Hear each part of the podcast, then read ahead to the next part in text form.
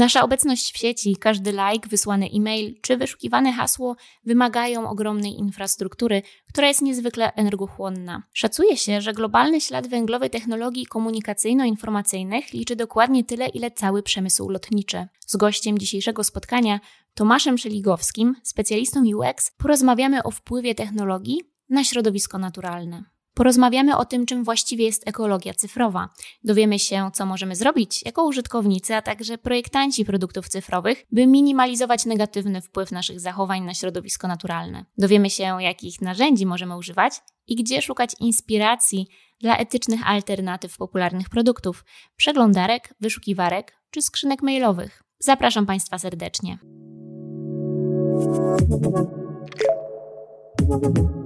Słuchasz podcastu Strefy Designu Uniwersytetu SWPS. Więcej merytorycznych materiałów o projektowaniu znajdziesz na design.swps.pl oraz w kanałach multimedialnych naszego projektu na YouTube i Spotify. Zapraszamy!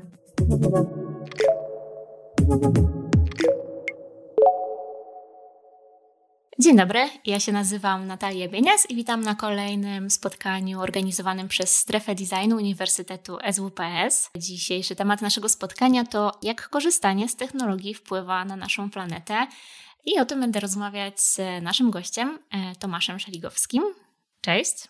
E, dzień dobry, witam wszystkich.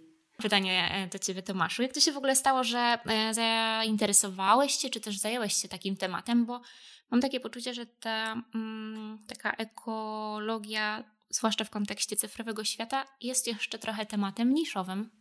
To znaczy, ja nie byłem nigdy wielkim aktywistą ekologicznym i to nie był jakiś mój główny temat e, i obiekt zainteresowań. I trochę przyszedł do mnie e, sam przypadkiem i no i potem ciekawość zrobiła resztę, tak? Czyli e, odwiedzając UX-owe konferencje, jedną z UX-owych konferencji natknąłem się na, na ciekawą prezentację mojej dzisiejszej znajomej i ona nie była poświęcona ekologii cyfrowej, ale zapisałem sobie, e, jaką organizację, jakie studio ona reprezentuje, i to studio przerodziło się potem e, w e, jego misją stało się promowanie między innymi cyfrowej ekologii. Także po prostu śledząc potem jednego z prelegentów zobaczyłem ten temat i, i pewne dane gdzieś tam na tyle mnie uderzyły, że, że postanowiłem się dowiedzieć na ten temat więcej. A możemy zdradzić? Czy ja tu Pewnie, że możemy zdradzić. E, to była e, prezentacja Joanny i to e, źródło tej wiedzy i zainteresowania to Radicals, tak? Czyli, mhm. czyli Radicals pisany przez 2Z na końcu. Mhm. My będziemy pewnie jeszcze w trakcie naszej rozmowy podawać tutaj różne adresy stron internetowych, czy też osoby, które warto śledzić, gdzie warto zaglądać, więc ten temat jeszcze się w trakcie naszej rozmowy E, na pewno pojawi, ale e, ciekawi mnie, bo ja wiem o jakiej prezentacji e, mówisz, bo ja miałam okazję ją wysłuchać, chociaż nie wysłuchiwałam jej chyba na żywo. Wydaje mi się, że oglądałam ją, nagranie tej prezentacji. Natomiast ciekawe, że to, że to jest właśnie to miejsce, czyli konferencja związana z projektowaniem, gdzie usłyszałeś o tym temacie, bo jednak wydaje mi się, że to była jedna z niewielu konferencji, czy też jedna z niewielu prezentacji poświęcona temu tematowi, e, jeżeli tak myślimy o tych naszych e, firmowych eventach, e, czy, czy meetupach, czy, czy konferencjach, to ten temat wciąż, no właśnie. To znaczy tak, to było jakiś czas temu na UX Element Talks w Poznaniu. I przyznam szczerze, że prezentacja nie dotyczyła cyfrowej ekologii, tak? Dotyczyła mhm, procesu mhm. przebiegu innowacji, po prostu powstawania mhm. innowacji. A ja bliżej byłem tematu e, innowacji, futuryzmu i przewidywania niż, e, niż ekologii, dlatego sama prezentacja i, i, i jej autorka mi się e, zapadła w pamięć i, i potem śledzenie mhm. tego źródła sprawiło, że docierały do mnie kolejne informacje o tym, że każde nasze działanie w sieci zostawia swój węglowy ślad. No właśnie, ślad węglowy, y, ekologia cyfrowa. Y, czym w ogóle jest ta ekologia cyfrowa? Bo tak y, pada czasami takie określenie. Czy możesz podać przykłady bycia ekologicznym w cyfrowym świecie? Cyfrowa ekologia na tą chwilę nie ma jednej takiej jasnej e, definicji. Tak? Definicji ekologii troszkę się o tym e, jej cyfrowym wymiarze nie wspomina, ale tak jak my to rozumiemy, jak my staramy się o tym mówić, to wydaje nam się, że to jest przede wszystkim początkiem tej definicji powinna być świadomość tego fizycznego wymiaru technologii i fizycznego wymiaru sieci, tak? Bo z popkultury, z mediów e, i ogólnie z takiego społecznego otoczenia trochę e, wydawało nam się, że to jest wszystko takie wirtualne, chmurowe samo, samo pojęcie chmury jest takie, dla mnie to jest trochę majstersztyk e, nazewnictwa w ogóle. E, prawdopodobnie powstał przypadkowo, że nam się wydaje, że to gdzieś wisi, tak? że to jest wirtualne, a to nie, jednak chmura nie, to nie jest nad naszymi głowami, to nie jest ta, ta chmura rozumiana e, potocznie. Są po prostu komputery gdzieś indziej, tak? połączone kablami, które pozwalają nam coś magazynować albo robić jakieś operacje na danych Oprócz tego, co jest istotne, no tak jak ogólnie w ekologii, no pewno e, długofalowe myślenie, odpowiedzialność, e, świadomość tego, że, że właśnie e, jest coś takiego jak cyfrowy ślad, ślad węglowy i co go wywołuje. Zrównoważone wykorzystanie w ogóle technologii i, i takie, taka równowaga w relacji z tą technologią e, na takim poziomie czysto ludzkim. E, tak, i to zainteresowanie tym, żeby troszkę może bardziej krytycznie spojrzeć na to, jak ona się rozwija, bo przedstawiana trochę jako takie, taki złoty środek na, na, na e, wszystkie e, wysokoemisyjne działania w offline, tak, bo kojarzy nam się ekologia już mocno z plastikiem, ze smogiem, z wymianą pieców, ze spalinami i, i, i tak dalej, z konsumpcjonizmem coraz częściej, z modami, e, słusznie, ale, ale właśnie o tym wymiarze mówiło się mniej i trochę te przenoszenie wszystkiego do sieci wydawało nam się, że jest tym ekologicznym właśnie działaniem, a, a często bywa, e, że e, to właśnie sieć w największym stopniu teraz przyrasta jako zagrożenie ekologiczne, tak? Więc w tym momencie, kiedy wszystkie inne rzeczy w ekologii tej offline'owej, tradycyjnej redukujemy, tak, poprzez, poprzez pojawiła się już jakaś refleksja, tak tutaj e, rośnie to w zatrważającym tempie, tak? E, więc, e, więc warto, warto o tym wspomnieć, bo może być tak, że to, co oszczędzimy sobie tym, że już, nie wiem, idąc na zakupy, bierzemy ze sobą wielorazowe opakowania, czy, czy, czy torby, czy, czy, czy nie wiem, wyeliminowaliśmy wiele opakowań e, plastikowych, to zepsujemy to na przykład, nie wiem, za pomocą wrzuconego wideo do sieci i, i to rośnie szybciej niż te nasze oszczędności, które udało się pozyskać e, tymi działaniami ekologii tradycyjnej. Mhm.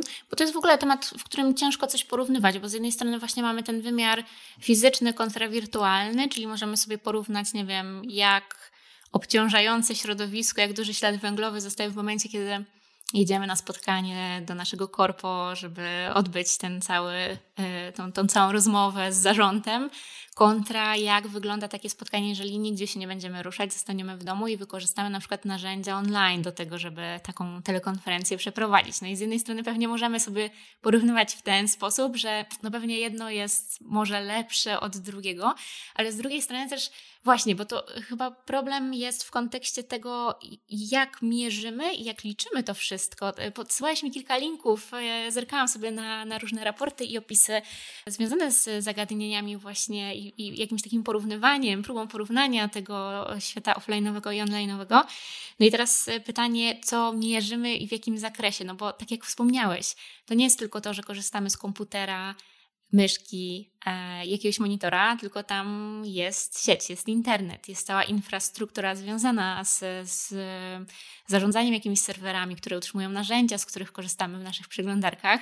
No i teraz, czy porównujemy to wszystko, co dzieje się tam i znowu jakieś miejsca pracy, ludzie, którzy tam dojeżdżają, przewożą jakieś materiały z jednego końca świata na drugi, można tworzyć takie niekończące się ciągi zależności. W efekcie okazuje się, że ten ciężar i ta waga i, i, i to wszystko jest dużo poważniejsze i dużo bardziej też skomplikowane w tym wszystkim. E, jakbyśmy mieli porównać tak prostą rzecz, jak właśnie spotkanie online kontra spotkanie e, kiedy, kiedy jedziemy do biura.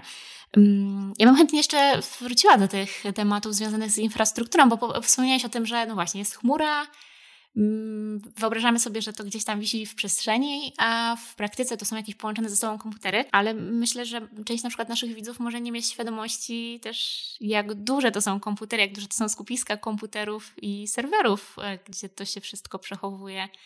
E, masz może jakieś przykłady, statystyki, raporty, coś, co mo mogłoby trochę pobudzić wyobraźnię e, naszą, jak duża to jest skala działań?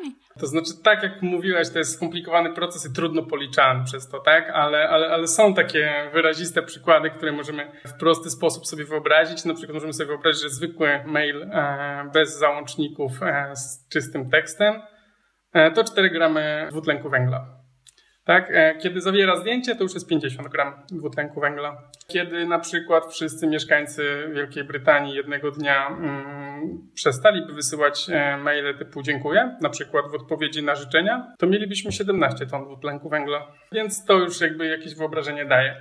Z drugiej strony możemy pomyśleć o tym tak, e, jaki procent w ogóle całej energii, jaką e, mamy na świecie, mm, zapotrzebowanie na nią, jest konsumowane przez technologie informacyjno-komunikacyjne. Tak? Na tą chwilę to jest między 5 a 9%, więc wydaje się to całkiem e, nieprzerażającą liczbą ale tutaj przerażający jest głównie wzrost, a nie, a nie stan faktyczny, tak? I na to musimy zwracać uwagę, czyli do 2030 już będzie to 20%. A 86% energii na świecie jest, jest e, jednak tworzone ze źródeł nieodnawialnych, tak? Więc jak widzimy, sposób, w jaki to postępuje, to, mm, to możemy sobie wyobrażać, e, jak dużo tego będzie. Jeżeli chodzi o centra danych na przykład, czyli te takie miejsca, które no są takim trochę materializacją chmury, tak? Czyli to, to, to jest te, ten fizyczny wymiar, to jego zapotrzebowanie te, te, te centra danych rośnie rocznie o 40%.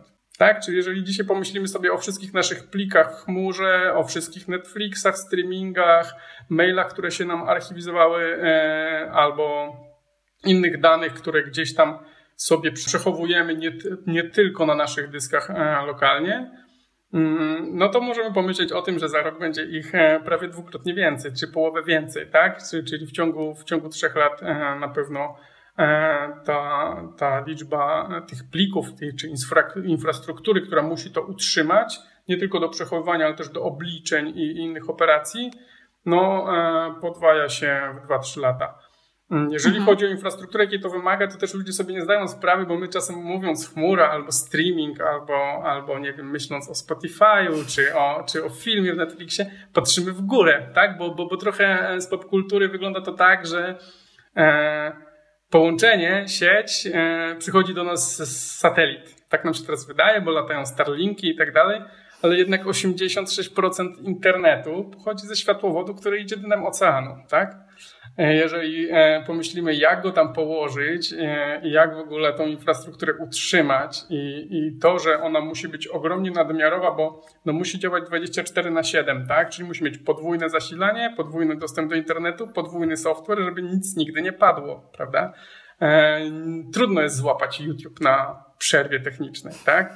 E, a na przykład takie przewody, które idą dnem oceanu, potrafią generować fale elektromagnetyczne, które na przykład ściągają rekiny. Tak? I rekiny zaczynają podgryzać te kable i rzeczywiście to ma wpływ na infrastrukturę, przez co pokrywamy je na przykład kevlarem, tak? takim samym materiałem, jaki na przykład zbudowane są e, kamizelki kuloodporne. I to po pierwsze, no też generuje ciepło, więc cały ten ekosystem, który tam jest, rafy koralowe czy, czy, czy inne żyjątka, no na pewno ma to na nie wpływ. A po drugie, no kilometr takiego kabla to jest prawie 850 kg, a my tych kilometrów już położyliśmy milion dwieście tysięcy pod wodą. Wow, ja wspomnę też, e, że e, akurat e, tą historię z rekinami zapamiętałam, bo wspomniane przez Ciebie Radicals też czasami wrzuca na koncie na Instagramie takie edukacyjne posty, wpisy i, i pamiętam, że, że tak, że, że te wyliczenia gdzieś tam zrobiły, zrobiły na mnie wrażenie, bo znowu nam się kojarzy, że jak jest coś cyfrowego, wirtualnego, to to sobie siedzi w tej przestrzeni wirtualnej i to nie ma żadnego wpływu na to, co się dzieje na zewnątrz, a tymczasem no, okazuje się, że jest zupełnie na odwrót. Mówisz o tym przyroście, e, który tak naprawdę jest największym zagrożeniem. Ja też sobie myślę o tym, jak Coraz więcej osób zaczyna korzystać z rozwiązań takich jak smartfony czy tablety, jak postępuje e, ten dostęp po prostu do urządzeń, które pozwalają nam w którymś momencie, w każdym momencie właściwie podpinać się do tej sieci e, i korzystać z cyfrowych produktów. Więc e, no, wizja wydaje się dość przerażająca, jeżeli, jeżeli nie zaczniemy działać. No i właśnie, teraz pytanie o te działania. Jak to wygląda z punktu widzenia, jak tak Mm, pytam Cię jako obserwatora tych, e, tych zachowań, działań, e, jak to wygląda z punktu widzenia tych wszystkich firm, które za to odpowiadają? No bo to są wielkie korporacje, które jednak no, mają tą odpowiedzialność za to, co, co, co robią i, e, i w jaki sposób robią. Czy są już jakieś ruchy obserwujesz coś takiego, że firmy same wychodzą z inicjatywą, że wiedzą, że jest źle i teraz będziemy robić tak, żeby było lepiej, czy niestety wręcz przeciwnie? No to jest trochę tak, że, że, że PR ma, ma zły PR i, i CSR rozumiemy jako jakiś tam podstępik, tak? Więc, więc rzeczywiście komunikaty są, działania, które za tym idą, trudno mi ocenić, więc ja wolę uznawać, że, że są, że istnieją i, i chciałbym w to wierzyć ale one idą trochę w sprzeczności, tak? Czyli mamy teraz pewne trendy, w które wierzymy, tak? Czyli łatwiej jest na przykład powiedzieć, że wyeliminujemy papier z naszej firmy, nawet jeżeli to da bardzo mały skutek taki globalny, tak? Więc deklaracje są w takich miejscach, gdzie wyglądają e, efektownie, tak? Czyli na przykład czy Microsoft, czy Amazon, czy Google mają swoje strategie do tego, nawet mają swoich wielkich ekspertów, którzy odpowiadają tylko za za dziedzinę energetyki e, i, i ekologii pod tym kątem mm, deklarują pewne działania i, i, i, coś się za nimi musi kryć, bo, bo, bo e, w jakiś sposób raportują to. E, trudno jest to weryfikować na pewno, ale jednocześnie na przykład ostatnio pod egidą właśnie działań ekologicznych i odpowiedzialnych pokazywano, jak opuszcza się centra danych, czyli takie wielkie kontenery z mm, mocą przeliczeniową i z serwerami, e, tak najogólniej e, rzecz biorąc, e, na dno oceanu na przykład. Tak? I teraz jednocześnie mówiąc, że do 2025 zredukujemy swój ślad węglowy o tyle, do 2030 na przykład wyrównamy go, że będziemy powiedzmy ekologicznie na zero, a do 2050 będziemy już nadrabiać błędy innych branż i, i tak dalej, no a jednocześnie spuszczamy e, wielkie obiekty do wody, bo mamy chłodzenie za darmo i tańszą ziemię niż po prostu postawienie budynku czy, czy wynajęcie serwerowni, tak? Trzeba pamiętać o tym, że, że każdy, każdy serwer, każda, każda, e, każde urządzenie technologiczne potrzebuje prądu. Teraz pytanie, z czego ten prąd jest generowany, ale no już wiemy, że, że te 86% to, to są źródła nieodnawialne i generuje też to ciepło, tak? I teraz pod wodą, no to ciepło, ok, chłodzi się, się te, ten sprzęt sam, no ale też nie wiemy, jak, jak zareaguje na to woda i cała, cała, e, całe otoczenie, całe, całe środowisko, e, które się tam znajduje. A jeśli to są serwerownie takie tradycyjnie rozumiane, no to to ciepło zazwyczaj e, chłodzi się wodą znowu, tak? Którą, którą pewnie można wykorzystać w lepszy sposób, tak? Niż, niż chłodzenie, niż chłodzenie mm, maszyn. E, mhm. Ale są też takie już e, fajne, pozytywne przykłady, na przykład serwerownie czy, czy hostingi zasilane zupełnie zieloną energią, tak? Czyli na przykład jest jakaś tam elektrownia wodna, która w pełni zasila całą serwerownię i możemy e, mieć mniejsze wyrzuty sumienia, kiedy nasze strony albo, albo jakieś narzędzia czy usługi cyfrowe są tam hostowane, tak? Są też takie mhm. serwerownie, na razie może jako bardziej przykład, ciekawostka, ale ma to jakby potencjał pod rozwój, które są zupełnie w obiegu zamkniętym, tak? Czyli mamy na tyle dużo, powiedzmy, energii, załóżmy, nie wiem, z wiatru, słońca czy wody, że zasila to komputery. Te komputery generują ciepło, które ogrzewają budynek. I wszystko się zgadza i da się to e, w ten sposób zrobić. Nie jest to popularne, bo też nie jest to najtańsze pewnie rozwiązanie, ale my już chyba w różnych e, zakresach naszego życia musimy troszeczkę e, godzić się na jakieś wyrzeczenia. Już nie wszystko może być najtańsze lub najprostsze lub najbardziej wygodne, no bo najtańsze były na przykład woreczki foliowe do wszystkiego jakiś czas i teraz ten minimalny trud na przykład noszenia ze sobą szmacianej torby robimy. Nie jest to duże wyrzeczenie, a, a zmiana jest widoczna, tak? Czy, czy, czy, czy skutki tej zmiany na szczęście E, mogą być odczuwalne dla nas wszystkich. Więc, e, więc są dobre przykłady. Ja tutaj też nie chcę wychodzić z takiej perspektywy fatalisty, bo tutaj też to brzmi, bo, bo te cyfry są duże, zwłaszcza jeżeli mówimy o wzrostach, e, ale, ale są, są fajne przykłady, dzieje się wiele pod tym względem i ja jestem troszkę reprezentantem tej grupy takich technooptymistów, tak? Czyli uważam, że że z naszą kreatywnością i z naszym e, podejściem do technologii, z tymi możliwościami, jakie technologia daje, no jesteśmy w stanie jakoś sobie z tym e, poradzić. I mam nadzieję, że po prostu teraz wzbudzanie tej świadomości o tym, że, że sieć nie jest wirtualna, że jest po prostu fizyczna, e, że ten, te, te, te, tego dziwnego dualizmu między wirtualem a realem, tak, offline'em a online'em, byciem w sieci, a byciem w realu, no nie ma tak naprawdę, tak? Bo, bo, bo, bo, bo wiemy o tym, że, że, że te granice są płynne i, i za tym stoi realna infrastruktura, ale też na przykład stoją realni ludzie i w sieci jesteśmy e, ludźmi tymi samymi, których spotykamy na chodniku czy, czy w sklepie. Więc, e, więc mi się wydaje, że teraz pobudzenie tej świadomości już będzie tym efektem pobudzenia kreatywności. A kreatywność plus dzisiejsze e, możliwości technologiczne no to już daje dużą nadzieję i, i ja tą nadzieją a, się karmię. O tej świadomości i kreatywności na pewno jeszcze będę chciała porozmawiać, ale chciałabym zahaczyć jeszcze o, o ten PR. Bo jak mówimy o ekologii, to chyba trochę nie możemy pominąć pojęcia e, greenwashingu i takiego trochę oszukiwania, że jesteśmy ekologiczni, a w, w w praktyce nie jesteśmy. Jeszcze możemy spotkać się w świecie produktów fizycznych i są to często dość szeroko opisywane e, przykłady. Czy w, zdarzyło Ci się spotkać z czymś takim w tych naszych produktach e, cyfrowych, że ktoś mówił, że jesteśmy super eko, ale faktycznie, faktycznie tak nie było? Czy możemy się, czy musimy zwracać na to szczególną uwagę, kiedy wybieramy właśnie hosting, e, jakiegoś hostingodawcę albo po prostu szukamy narzędzi do codziennej pracy? To znaczy tak, no ale problem jest w rozdźwięku między skalą działań wizerunkowych, a skalą działań w ogóle, tak? Bo, bo dzisiaj komunikowanie odpowiedzialności jest czymś obowiązkowym, tak? Nawet w małym biznesie. W dużym jest, e, jest obowiązkiem tym bardziej, więc my możemy od dzisiaj e, dowiedzieć się od McDonald's, że oni są ekologiczni, tak? Bo mają papierowe słomki, ale dobrze wiemy, że no, raczej tak nie jest, tak? I, i mało kto chyba e, zrobił więcej, więcej szkód pod tym względem, jeżeli chodzi o, o marki. I teraz są pełne strony, programy, akcje, osoby odpowiedzialne, filmy i wszystko, co za tym idzie. Ale jak odniesiemy to do całej skali, no to to dobrze wygląda jako akcja, jako naświetlenie, ale jak to mm, zobaczymy na przykład, jak Amazon komunikuje inwestowanie w startupy związane z, z ekologią, no to świetnie, jakby też jestem bardzo zadowolony z tego, że, że znajdują się środki na to, żeby, żeby wspierać tego typu e, kreatywne rozwiązania nowotechnologiczne, no ale czy możemy na tej podstawie uwierzyć, że jakikolwiek ich serwer zasilany jest w zielony sposób, albo że Mm, nie, ich biznes nie zabija lokalnych e, dostawców, czy pracownicy traktowani są w etyczny i, jakiś taki ludzki sposób, tak? Więc okej, okay, działania działaniami są, tak? Widzimy je. Ja też staram się ich nie podważać, bo nie mam do tego jakby też podstaw, tak? Trudno jest to zweryfikować.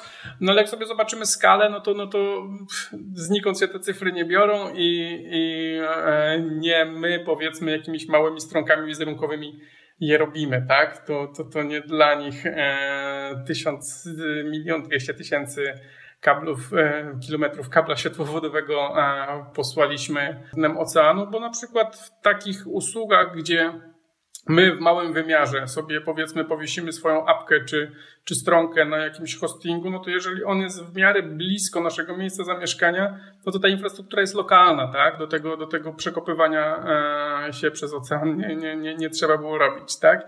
Więc okej, okay, są te działania, jasne, że tak, w jakiejś małej skali. W stosunku do skali tego, jak już mocno korzystamy z technologii, no jest to, są te działania na potrzeby napisania o tym lub pokazania e, chwytliwego wideo. Takie, taką, takie mam wrażenie, że ich skala takiego realnego oddziaływania nie jest na tą chwilę żadna. A spotkałeś się z jakimiś takimi miejscami, gdzie możemy sobie to trochę zweryfikować albo szukać podpowiedzi, jak dobierać ewentualnych dostawców, bo tak jak sobie myślę, jest dużo takich inicjatyw w kontekście na przykład stron podających listy kosmetyków e, cruelty free albo mm, myślę, że, że podobnych inicjatyw może być sporo i zastanawiam się, czy ktoś już wziął na warsztat taki temat i, e, i zaczął zbierać właśnie faktycznie takie inicjatywy warte śledzenia i, i warte inwestowania. Spotkałeś się z czymś takim? Pewnie, że tak. E, I mamy na przykład taką stronkę e, greenwebfoundation.org, która pokazuje nam, e, czy dana strona, wpisujemy tam po prostu adres domena i zobaczymy, czy ona jest hostowana w zielony sposób, tak? Więc takie sprawy jesteśmy w stanie weryfikować. Jesteśmy też w stanie weryfikować, ile jedno wejście na daną stronę generuje śladu węglowego, tak? Czyli, czyli wchodząc na stronę website carbon.com możemy podać znowu linka i dowiedzieć się, ile cyfrowego śladu węglowego generuje jedno wejście na taką stronę i jak to się ma do całości, żeby, żeby mieć jakąś skalę, tak? Czyli tam jest taka odpowiedź, że ta strona jest lżejsza, że tak powiem, e, od na przykład 80 paru procent e, stron. I skąd to się bierze? No, bierze się to głównie z tej naszej kultury wizualnej, z tego, e, że tak powiem, trochę projektowania efektownego, tak? Że jeżeli na przykład wideo jest w tle, tak, albo albo mamy duże, dużą ilość jakichś, jakichś skomplikowanych animacji, no to wiadomo, że, że będzie to wymagało pobrania jakichś danych, tak? Teraz pytanie, czy to jest konieczne? No pewnie często nie, ale też jest efektowne, więc, więc nie dziwię się, że to robimy. Też miałem chwilę zachłyśnięcia się, się efektami na scroll, tak? Jakimiś tam ciekawymi przejściami i robi to wrażenie.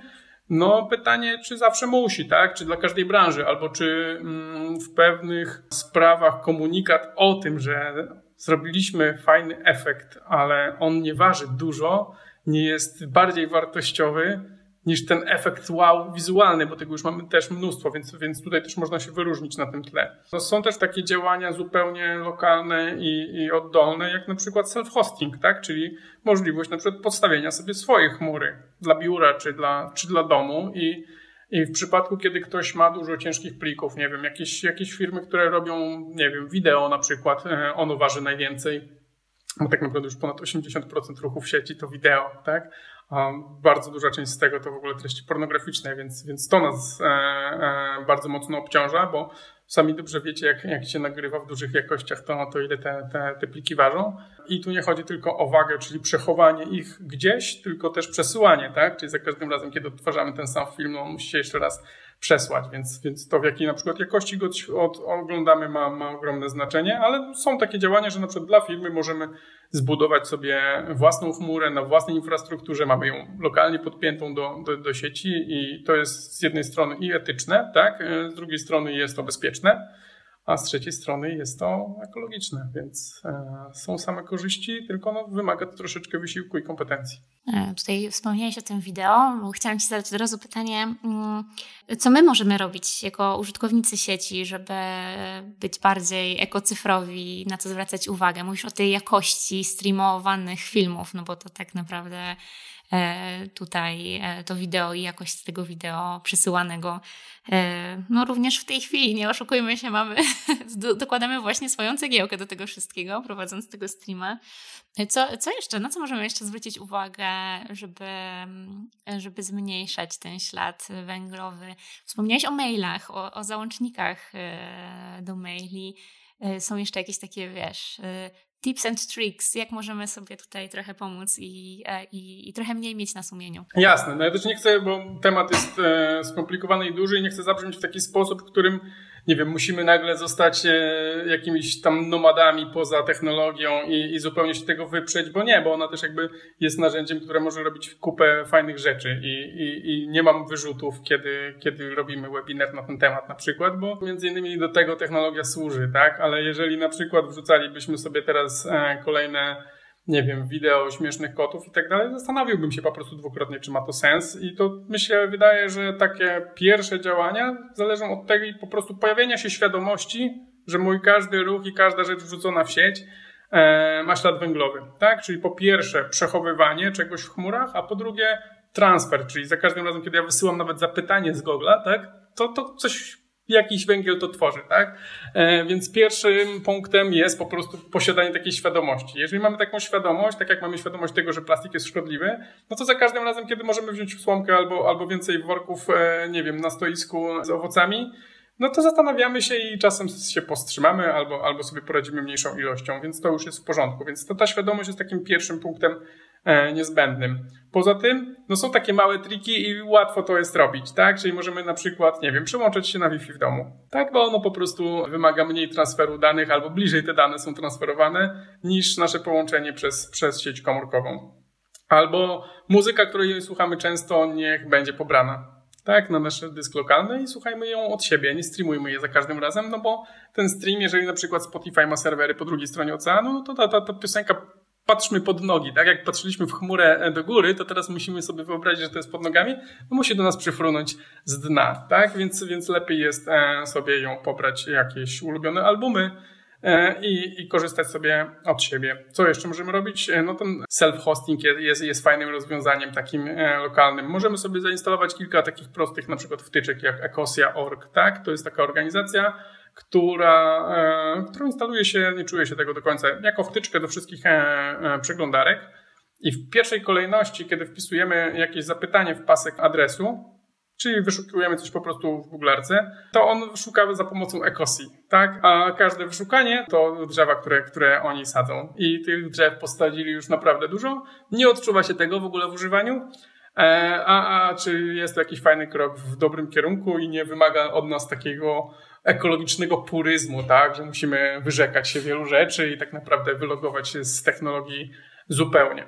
E, poza tym, co jeszcze możemy zrobić? No, przede wszystkim dbać o to, żeby nie generować śmieci, tak, e, wokół siebie. Czyli to są posty, których, e, których nie musimy, maile, których nie musimy i tak dalej, filmy, które, które nagrywamy w 4K, których nie musimy albo, albo wrzucamy, ale też jeżeli ktoś czuje, że to, to ma sens jego, jego bawi, no to też niekoniecznie musi zupełnie z tego rezygnować, tylko fajnie już jak się zastanowi po prostu od, nad tym co jakiś czas. Ale też, jeżeli już narobiliśmy tych śmieci, no to pomyślmy, których aplikacji korzystamy. Jeśli nie korzystamy, możemy je usunąć. Które konta nam są potrzebne, jeśli nie mamy maile, które są nieaktywne, możemy je usunąć. Jeżeli chodzi o archiwizację wiadomości w naszym mailu, róbmy to co jakiś czas, czyśmy to, niech to się pakuje w paczki i waży mniej i wysyła się mniej, tak? Rozpakuje się, kiedy będziemy potrzebowali to przeszukać w, jakim, w jakimś celu. Mm, co jeszcze możemy robić? Możemy e, uświadamiać przede wszystkim, tak? Czyli mówić innym, że, że każde działanie w sieci ma swój węglowy ślad.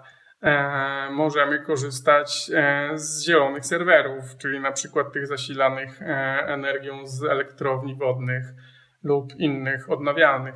Tak, możemy przede wszystkim przechodzić na bardziej etyczne rozwiązania i odpowiedniki naszych utartych aplikacji, których korzystamy, tak? Czyli wydaje nam się bardzo trudne dzisiaj żyć, nie wiem, bez aplikacji ze środowiska Google, tak, czy, czy, czy jakichkolwiek innych, ale jeżeli korzystamy z czegoś, co wydaje nam się nieetyczne, albo prosi nas o dane, których nie chcielibyśmy dawać, albo niby dlaczego, mm, nie wiem, e, aplikacja, która jest do scrollowania newsów, prosi nas o pełne skopiowanie naszej książki adresowej łącznie z nazwiskami.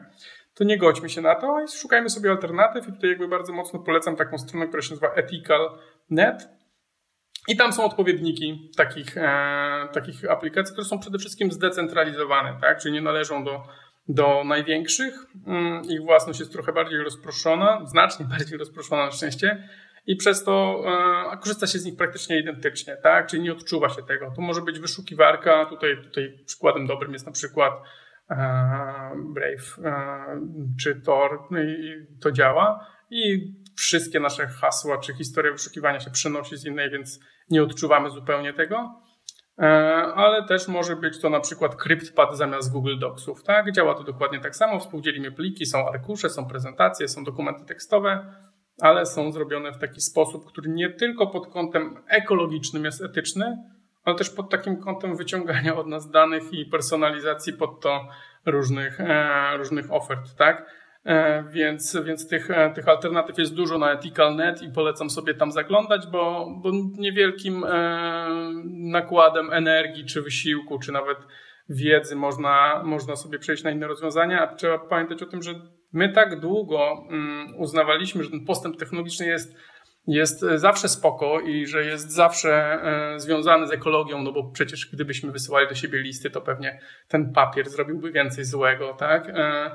To przestaliśmy to weryfikować, przestaliśmy krytycznie na to patrzeć i przez to jak już się możemy o tym zorientować, to trudno z tego wyjść, tak? Czy wyobraźmy sobie dzisiaj bez, e, życie bez naszego Google Kalendara, Google Drive'a, Gmaila, Google Keepa, jest to trudne, tak? I teraz, jeżeli w to wchodzimy, to spoko, ja też korzystam i, i, i czasem jest to po prostu funkcjonalne, tak? Ale ja bym chciał wejść w to świadomie i teraz y, już miałem tą wiedzę, żeby na przykład, nie wiem, no, sceptycznie podchodzę do Kindle czy, czy, czy, czy Alexy, bo wiem, że ona będzie mi zamawiała tylko rzeczy dostępne w Amazon, a to nie są najtańsze rzeczy i nie są najbardziej etyczne rzeczy z najlepszych e, źródeł, które ja uważam lokalnie za najlepsze. I już e, miałem na tyle wiedzy, żeby się w to nie wkręcić, bo potem rzeczywiście, jak już bym miał tego Kindla i, i, i tą Alexę to już by było trudno, tak? Bo jeżeli bym powiedział w swoim domu, nie wiem, zamów kolejną kawę, no to to nie byłaby kawa z tej palarni, którą lubię, e, tylko z tej palarni, która jest dla nich najbardziej e, intratna. Więc e, no, ta świadomość tego, że, że, że sieć jest fizyczna, to jest pierwszy krok, ale jest też kilka takich kroków prostych, o których właśnie, właśnie powiedziałem. Kwestia wejścia na jakąś stronę, podmienienia jakiegoś narzędzia i to wszystko praktycznie bez naszego wysiłku zaczyna się dziać. No dobra, to jest perspektywa użytkowników.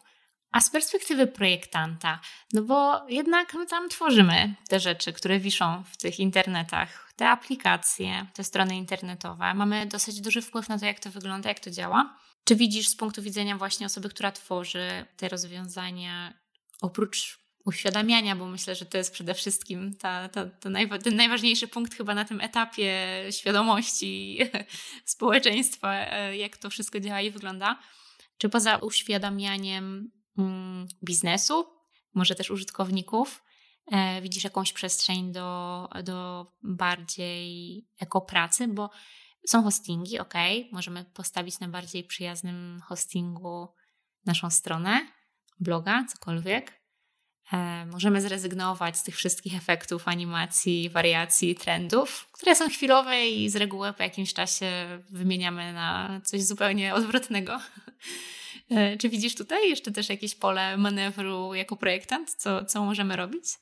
No jasne, że tak, chociażby w naszej pracy takich e, projektantów, powiedzmy, rozwiązań i usług cyfrowych, tak, możemy sobie na końcu zmierzyć to e, pod kątem, e, ile generuje jedno wejście, jedno użycie, jeden scenariusz jakiś konkretny i spróbować to zoptymalizować, bo ja rozumiem, że czasem na przykład, nie wiem, użycie bardzo nietypowego fontu w mailu jest uzasadne, tak? Jeżeli rzeczywiście wynika to z identyfikacji wizualnej, w której ten font jest mocno osadzony, jest istotny, no to okej, okay. ale we wszystkich innych możemy zaproponować ten lekki.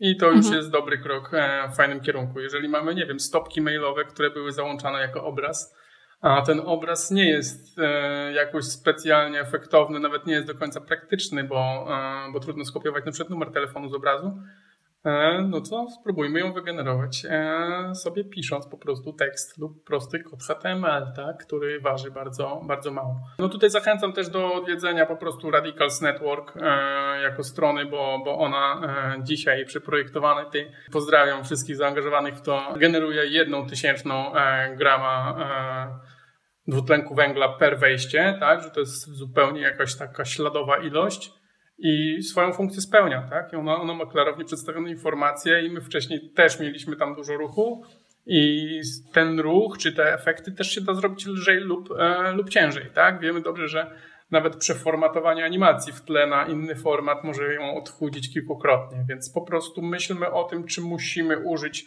tych najcięższych rozwiązań, bo one nie tylko są nieekologiczne, ale często są niefunkcjonalne, tak? Bo jeżeli na przykład wchodzimy pierwszy raz na jakąś stronę okay, no są takie, takie biznesy, które muszą mieć efektowne strony, nie wiem, agencje reklamowe, tak, agencje kreatywne, digitalowe i tak dalej, no to kiedy wchodzimy pierwszy raz, no to ten ruchomy, ten pierwszy ekran no, robi na nas wrażenie i przedstawia jakoś tą markę i rozumiem, że jest to uzasadnione.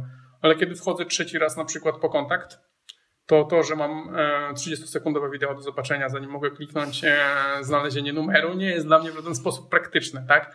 a, a wiemy dobrze, że programiści są w stanie zrobić prawie wszystko i bardzo rzadko odpowiadają, że czegoś się nie da zrobić, więc możemy zrobić na przykład, że nie wiem, drugie wejście e, w danej sesji albo nie, nie, jest, jest prostsze, tak? Czy, czy, czy jednocześnie skracamy ścieżkę naszego użytkownika, sprawiając, że szybciej dociera tam, gdzie, tam, gdzie chciał i też oszczędzamy w jakiś sposób transfer, tak? E, I to nie chodzi tylko o kwestie, mówię, ekologiczne, bo tutaj kwestie jak, jak, ludzie to cenią i na ile to jest dla nich ważne, to jest indywidualna sprawa, ale też kwestie praktyczne po prostu, tak, że jeżeli, nie wiem, wyjechaliśmy za granicę, mamy ograniczoną ilość transferu, to to, że nam się wideo pobierze w tle, zanim znajdziemy numer do, do odpowiedniej osoby, e, wcale nam nie pomaga. Ja mam pytanie tutaj na czacie od Mariusza Wszołka, którego pozdrawiam. E, jakie widzisz możliwości uświadamiania, uwrażliwiania, upowszechniania wiedzy na temat cyfrowej ekologii? E, no, jeżeli ta tutaj nasza rola, nie tylko nasza projektantów, ale w ogóle osób, które są zainteresowane tematem, jest na tyle, na tyle ważna i duża, to właśnie jak to robić? No ja wierzę na przykład w taką po prostu zwykłą ciekawość. Ja, ja tą drogą jakby zainteresowałem się tym bardziej, tak? Więc tutaj polecam na przykład internetlifestats.com. Tam są statystyki tego, co dzisiaj stało się w internecie, czyli na przykład ile maili zostało wysłanych, tak? E, I to już jest e, ciekawostka. Idąc dalej, klikając na przykład na maile, czy na, czy na inne dane, które, które się tam zliczają live, no możemy dowiedzieć się, jak to po prostu działa i tym, i tym tropem e, ciekawość poprowadzi nas już sama. Tak? E, jak jeszcze możemy? No nie tak dawno w ramach e, Digital Ecology XYZ, to jest kolejna strona, która, która jest źródłem wiedzy na temat ekologii cyfrowej, powstał eksperymentalny Instytut Cyfrowej Ekologii. On poprowadzony jest w taki dosyć niestandardowy sposób, czyli są to po prostu słuchowiska na Telegramie. Czyli jesteśmy dodani do jednego kanału, mamy regularnie, to jest w piątek rano, takie słuchowisko, odsłuchujemy sobie taką audycję i spośród osób zainteresowanych przeprowadzamy sobie potem taką dyskusję, która jest w formie audio. Czyli po prostu łączymy się e, za pomocą słuchawek, głośników, mikrofonów i sobie dyskutujemy o tym, e, co dzisiaj było. I to wygląda bardzo podobnie do tego, jak, e, jak dzisiaj sobie rozmawiamy, czyli ktoś pyta, co może zrobić najprościej, od czego zacząć, gdzie poczytać więcej, albo albo jak to przełożyć na jakąś tam, nie wiem, swoją pracę, swoją firmę mm, czy swoje otoczenie. Więc e, polecam to Digital Ecology XYZ i ten Instytut, e, eksperymentalny Instytut Cyfrowej Ekologii, bo tam my również uczymy się więcej na ten temat i podajemy fajne źródła, tak? Bo tych badań i raportów nie jest wcale tak dużo, ale jednak są, tylko wiadomo, że przedarcie się przez te wszystkie statystyki i ogromy danych jest trudniejsze niż gdy ktoś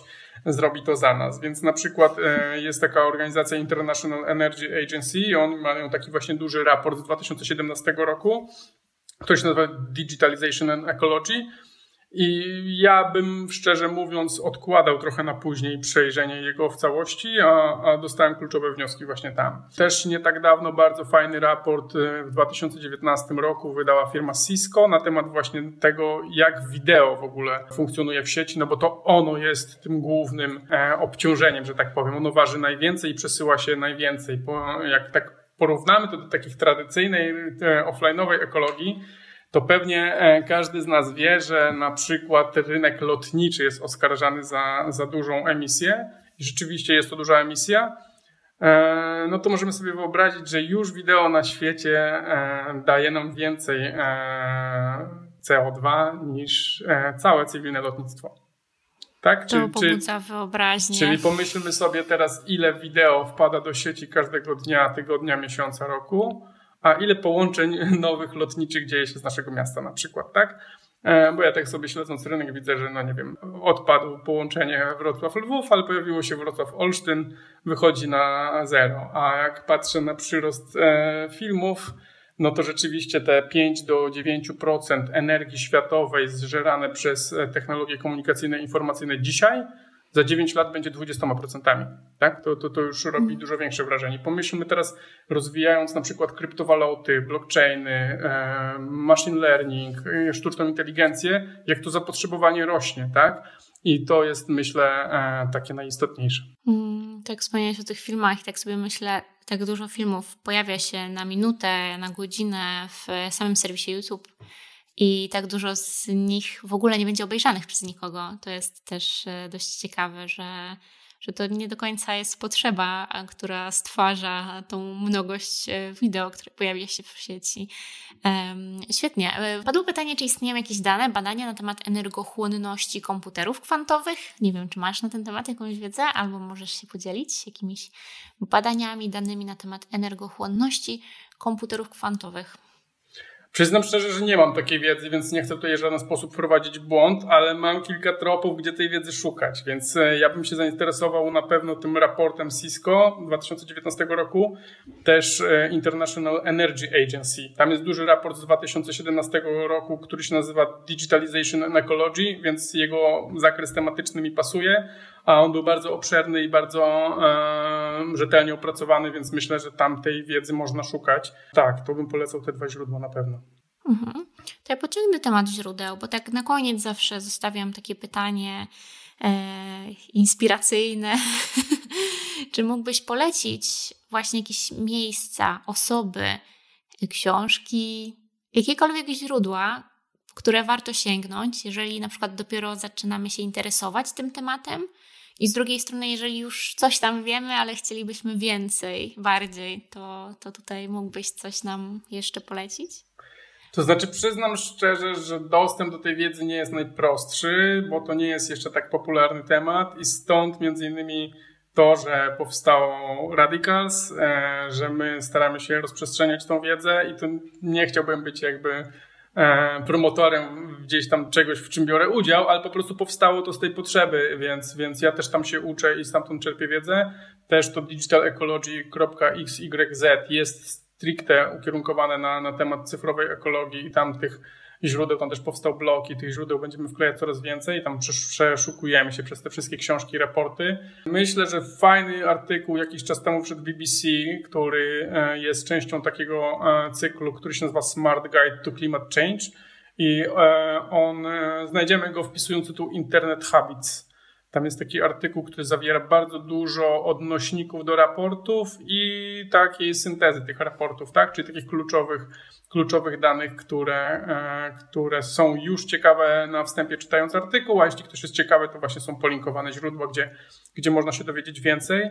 Tak, ja też śledzę mm, taką organizację, którą można znaleźć pod adresem wsa-global.org i to są takie nagrody, za największe innowacje w technologiach, które mają społeczny oddźwięk. Więc e, tutaj nie chodzi tylko o ekologię, ale tam rzeczywiście te, mm, ten poziom kreatywności tych rozwiązań jest tak duży, że warto to, to śledzić. To jest bardzo po prostu ciekawe. Mówisz sporo o źródłach internetowych, a ja się zastanawiam jeszcze, jak to wygląda w pracy na uczelni? E, czy, czy, jaka tu jest też odpowiedzialność szkół projektowych, e, czy też osób, które, które mają do czynienia ze studentami i z osobami, które kształcą się w, w zakresie projektowania? Podejrzewam, że jak się projektuje wzornictwo, to tych tematów związanych z materiałami jest dosyć sporo. Tymczasem ja na studiach graficznych nie przypominam sobie, żeby ktoś tam wspominał o tym, że no, można zrobić krzywdę robiąc te internety. E, jak to teraz wygląda? Masz tutaj jakiś wgląd właśnie w to, czy ta zmiana również na uczelniach się pojawia? To znaczy, no mogę powiedzieć o tym otoczeniu, które, które widzę, e, widzę u siebie najbliżej, więc e, do mnie ten temat dotarł nie tak dawno. Ja tym interesuję się od około roku, od ponad roku. E, więc przez ten rok ta wiedza, którą ja się, ja wypracowałem i którą mi udało się osiągnąć, to staram się przekładać na naszą dydaktykę, więc też jakby dzielę się nią w ramach e, kierunku, w ramach e, zespołu. I, I niedługo właśnie też w zespole będziemy sobie o tym rozmawiać i staramy się to przekładać na, na plany naszych zajęć w kolejnych semestrach. Także jeżeli odkryłem sobie teraz ten miernik z tą stronkę, która mierzy wejście, to na przykład kiedy e, nasi studenci będą mieli zajęcia z webdesignu i te webdesigny zostaną zaprogramowane i wdrożone, no to będziemy polecać to mierzyć i zobaczyć na przykład, mhm. jakie zabiegi wizualne mm, i programistyczne sprawiają, że to się odchudza, bo czasem bardzo prosty zabieg potrafi, nie wiem, czterokrotnie zmniejszyć, e, zmniejszyć emisję jednego wejścia, więc my e, przełożymy to na nasze programy i, i już to się zaczyna dziać. Też rozprzestrzeniamy tą wiedzę w naszych kręgach. A jak to się dzieje gdzieś indziej, to jeszcze nie mam wiedzy, ale no zdaję sobie sprawę, że trudno było do niej dotrzeć, więc może to się jeszcze nie dziać, albo dziać się w takich początkowych fazach, jak w moim przypadku. To tak e, optymistycznie patrzę w przyszłość w takim razie. A e, tak skromnie wspominałeś o tych radikalsach tutaj. Ja jeszcze Cię podciągnę trochę w tym temacie na koniec.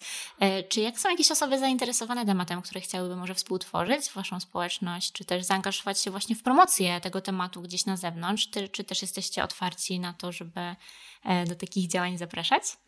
My jesteśmy ogólnie otwarci, więc jakby e, to jest dla nas jakby jednoznaczne, więc e, wystarczy tylko wejść na stronę radicals przez 2z na końcu .network i tam jest informacja o tym, jak dowiedzieć się więcej, jak się do nas odezwać albo jak z nami współpracować. I tutaj przyznam szczerze, że tą infrastrukturę pod to, żeby móc zapraszać już ludzi, e, mamy w miarę opracowaną i troszkę nas to kosztowało pracy. I tutaj jakby pozdrawiam wszystkich, którzy ogrom, ogrom roboty tam dobrze, dobrej zrobili, bo my e, rzeczywiście e, osadziliśmy sobie naszą platformę, którą złożyliśmy z open source'owych rozwiązań na szwajcarskim serwerze zasilanym wodą, tak, czyli energią z, z hydroelektrowni I tam mamy sobie takie proste aplikacje, których sobie zarządzamy zadaniami i projektami, których komunikujemy się między sobą, albo których po prostu trzymamy sobie nasze pliki, tak? I mając pewność, że one są w etyczny sposób przechowywane, są, służą nam, jest, jest, to, jest to funkcjonalne, a przy tym nie tylko mówimy o tym, ale, ale staramy się to robić przez praktykę i wdrażać to w życie. Tutaj też fajnie e, jest wspomnieć o, o tym pojęciu takim, którym e, identyfikujemy się mocno jako grupa, czyli polofuturyzm. To jest coś nowego, jakby e, nie słyszałem tego wcześniej jeszcze niedawno. I chodzi o to, że my takie globalne, globalne mm, problemy, jak na przykład właśnie cyfrowy ślad węglowy, staramy się rozważać w bardzo lokalny sposób tak? Czyli zaczynamy od siebie właśnie, nie wiem, chociażby self-hostingiem, czy, czy taką platformą, którą sobie e, sami e, opracowaliśmy w e, odpowiednio hostowanej i tak samo wierzymy w tą taką, taki lokalny wymiar zmiany, tak? I tutaj, i tutaj to jest dla nas e, bardzo istotne, ale też to, żeby umieć krytycznie spojrzeć na ten rozwój technologii, ale nie być tym malkontentem, narzekantem i tak dalej, tylko właśnie z tą nadzieją i wiarą w to, w to, w to nasze kombinowanie plus, plus nasze zdolności technologiczne w ogóle jako narodu, jako, jako, jako kraju, no wierzymy, że, że, że, że są e, duże pokłady do budzenia i my tak naprawdę to budzenie jest naszą, naszą misją i mam wrażenie, że właśnie się dzieje, tak? Chociażby e, tym naszym spotkaniem dzisiaj, więc, więc e, pod radicals.network możecie dowiedzieć się więcej, ale też pod adresem digitalecology.xyz. Tam dla wszystkich, którzy, którzy chcą tym tematem się zainteresować, danych i, i wiedzy nie zabraknie. Pojawiły się jeszcze pytania. Czy widzisz perspektywy, by takie mierzenie zużycia energii przez strony internetowe ewoluowało do postaci czegoś na wzór certyfikatów energetycznych? Wierzę, że tu jesteśmy całkiem niedaleko. To znaczy, wydaje się, że daleko, ale są pierwsze działania, które dają nadzieję, tak? Czyli jest jakaś taka nowa dyrektywa unijna, która mówi o na przykład naprawialności, tak? Bo nasze sprzęty troszeczkę odmawiają nam tego prawa do naprawialności i, i troszkę e, się ten pomysł i w ogóle branża czy, czy, czy, czy, czy, czy zachowania e, zmieniły pod tym, w tym zakresie. I już francuski rząd e, przetworzył to na jakieś prawo, które każe na opakowaniu między innymi cyfrowych e, produktów pisać na ile to jest naprawialny, czyli jest taki wskaźnik naprawialności, który się mierzy na podstawie tego, na ile dostępne są części, na ile otwieralny jest produkt, na ile otwieralne są instrukcje, tak? czy, czy dostępne są instrukcje. I wtedy wiemy, kupując sobie pralkę, czy telefon, czy nie wiem, wiertarkę, czy ona będzie do momentu zepsucia się, miała swój e, cykl życia taki powiedzmy jak nasze smartfony, one mają średnio dwa lata cykl życia i też producenci ich starają się nie dać nam dostępu do tego, żeby je naprawić, chociażby przez, nie wiem, robienie unikatowych śrubokrętów, których nie da się kupić. I jeżeli stało się to w zakresie naprawialności produktów cyfrowych, cyfrowych, fizycznych, bo tutaj znowu podkreślam, ta granica cyfrowych i, i, i niecyfrowych rzeczy jest, jest płynna, no to rzeczywiście w sieci też to się może wydarzyć, tak? Czyli jeżeli zaczęliśmy już o tym myśleć i to na takim poziomie, to nie stało się dzisiaj, że zaczęliśmy myśleć, bo już jest dyrektywa, już jest prawo, które się z tego zrodziło, już opakowania są drukowane z, z tym wskaźnikiem, to myślę, że prędzej czy później e, powinno się to wydarzyć. Mam nadzieję, że prędzej. Nie jestem ciekawa. Będę obserwować ten temat, bo, bo, bo jest szalenie ciekawy. Cieszę się, że e, mogłeś tutaj być dzisiaj z nami i opowiadać nam o, o tej ekologii cyfrowej, o, o tym naszym wirtualnym świecie i konsekwencjach naszych działań e, w nim. Ja przypominam wszystkim tym, którzy dzisiaj byli z nami i oglądali nas, obserwowali, przysłuchiwali się, że moim gościem był e, Tomasz Szeligowski, a to spotkanie było jednym ze spotkań organizowanych przez Strefę Designu Uniwersytetu SWPS. Rozmawialiśmy o korzystaniu z technologii e, i tym, jak wpływa to na naszą planetę. E, I cóż... Dziękuję bardzo, Tomaszu, za to, że dzisiaj tutaj byłeś z nami. Dziękuję naszym widzom i do zobaczenia. Ja również dziękuję, bardzo mi było miło. Wszystkiego dobrego. Thank you.